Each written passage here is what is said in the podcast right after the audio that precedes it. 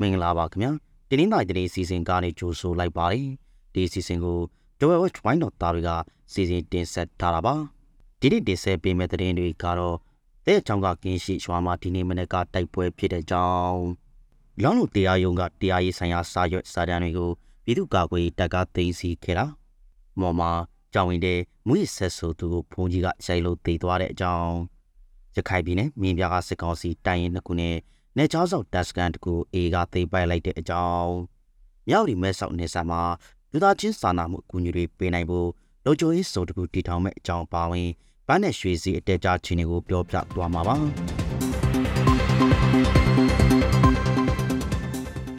တဲ့ချောင်မျိုးနယ်ကကင်းရှိချွာမှာစစ်ကောင်စီတန်းနဲ့ပြည်သူ့ကာကွယ်ရေးတပ်တို့ဒီနေ့မနေ့ကတိုက်ပွဲဖြစ်ပွားခဲ့ပါတယ်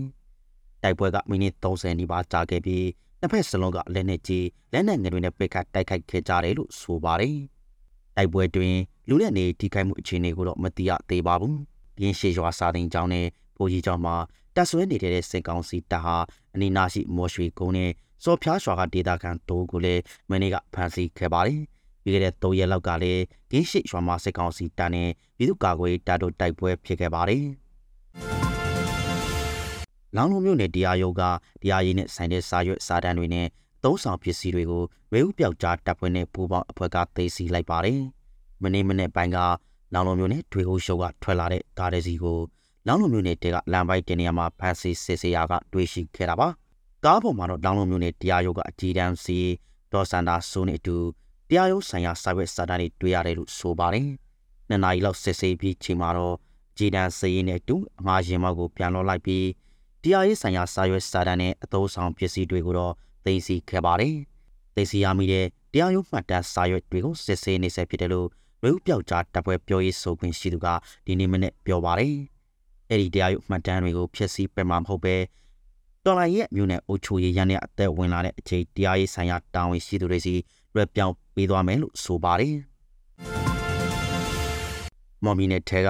ဘိုးကြီးကျောင်းဝင်းတဲ့လာပြီးဆက်ဆူနေတဲ့အမျိုးသားကိုတောင်းနေဘုံကြီးကတုံးနဲ့ရိုက်လို့တေဆုံးသွားပါတယ်။မူလိုမျိုးနဲ့ကလော့တော့ရွာရက်ကွက်လေးမှာရှိတဲ့မိချောင်းဘုံကြီးကျောင်းမှာဖေဖော်ဝါရီလတရက်နေ့ကဖြစ်ပွားခဲ့တာပါ။မူလိုမျိုးနဲ့အသက်28နှစ်အရွယ်ကိုတောင်းစီကအရက်မူပြီးဆက်ဆိုရကပြဿနာဖြစ်ပြီးမိချောင်းဘုံကြီးကျောင်းမှာတရင်သုံးနေတဲ့ဘိုးကြီးကတုံးနဲ့ရိုက်လို့တေဆုံးသွားတယ်လို့ဆိုပါတယ်။ တုံးနဲ့ရိုက်တဲ့ဘိုးကြီးကိုလူ့လဲစီပြီးကမာဝက်နေမြေရက်စခန်းမှာအမှုဖွင့်ထားတယ်လို့ဆိုပါတယ်။ရခိုင်ပြည်နယ်မြင်းပြမြို့မှာကြံနေသေးတဲ့တိုင်ရင်နှစ်ခုကိုတလအကြာတိုက်ပြီးသိမ်းယူလိုက်တယ်လို့ရခိုင်တပ်တော် A ကထုတ်ပြန်ပါတယ်။အမကိုစစ်စင်ကော်ကဲမှုဌာနချုပ်တောက်ခံခမရတုတ်ခွန်ကိုနဲ့ငါးလေးတက်တို့ကိုမနေ့ကသိမ်းယူလိုက်တာပါ။ပြီးတဲ့လကလည်းခမရ38တုံညာတိုင်ကိုသိမ်းယူခဲ့ပြီးမင်းများမှာရှိတဲ့စစ်ကောင်စီတိုင်အားလုံးကို A ကသိမ်းယူခဲ့တာပါ။ A ဟာချစ်ပြည်နယ်ကပလော့အမျိုးကိုသိမ်းယူထားတယ်လို့ရခိုင်ပြည်နယ်တဲကပေါက်တော်မျိုးကိုလည်းထိချုပ်ထားပါတယ်။အဲဒီနောက်ဘင်္ဂလားဒေ့ရှ်နယ်စပ်ကနေချားစောက်တပ်တစ်ခုကိုလည်းသိမ်းယူခဲ့တယ်လို့အေကမနေ့ကထုတ်ပြန်ပါသေးတယ်။တောင်ပြိုလက်ဝဲနဲ့တောင်ပြိုလက်ရစခန်းနှစ်ခုကိုလည်းလွန်ခဲ့တဲ့၃-၄ရက်ကတိုက်ခိုက်ခဲ့ပြီးတောင်ပြိုလက်ရစခန်းကိုသိမ်းယူနိုင်ခဲ့တယ်လို့ဆိုပါတယ်။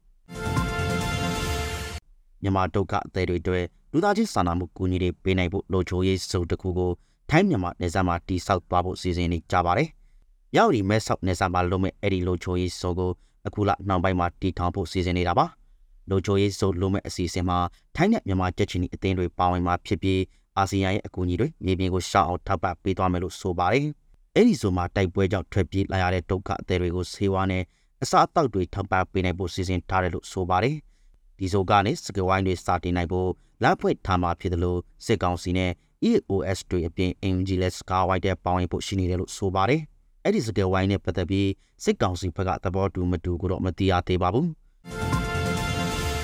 နောက်ဆုံးတက်ဖို့အနေနဲ့ရွှေနဲ့ပါစီအတဲကြချင်းတွေကိုပြောပြပေးပါမယ်။ဒီနေ့ရွှေဈေးဟာတကြသားကို2500ကျပ်ဈေးတက်သွားပါတယ်။တဝယ်ဈေးကွက်မှာအခောက်ရွှေတကြသား38သိန်း4000ဈေးဖွင့်ထားတာပါ။ဒိုင်ပါစီလည်းတက်လာပြီးမြန်မာငွေတသိန်းကို1016ဘတ်ဈေးဖွင့်ထားပါတယ်။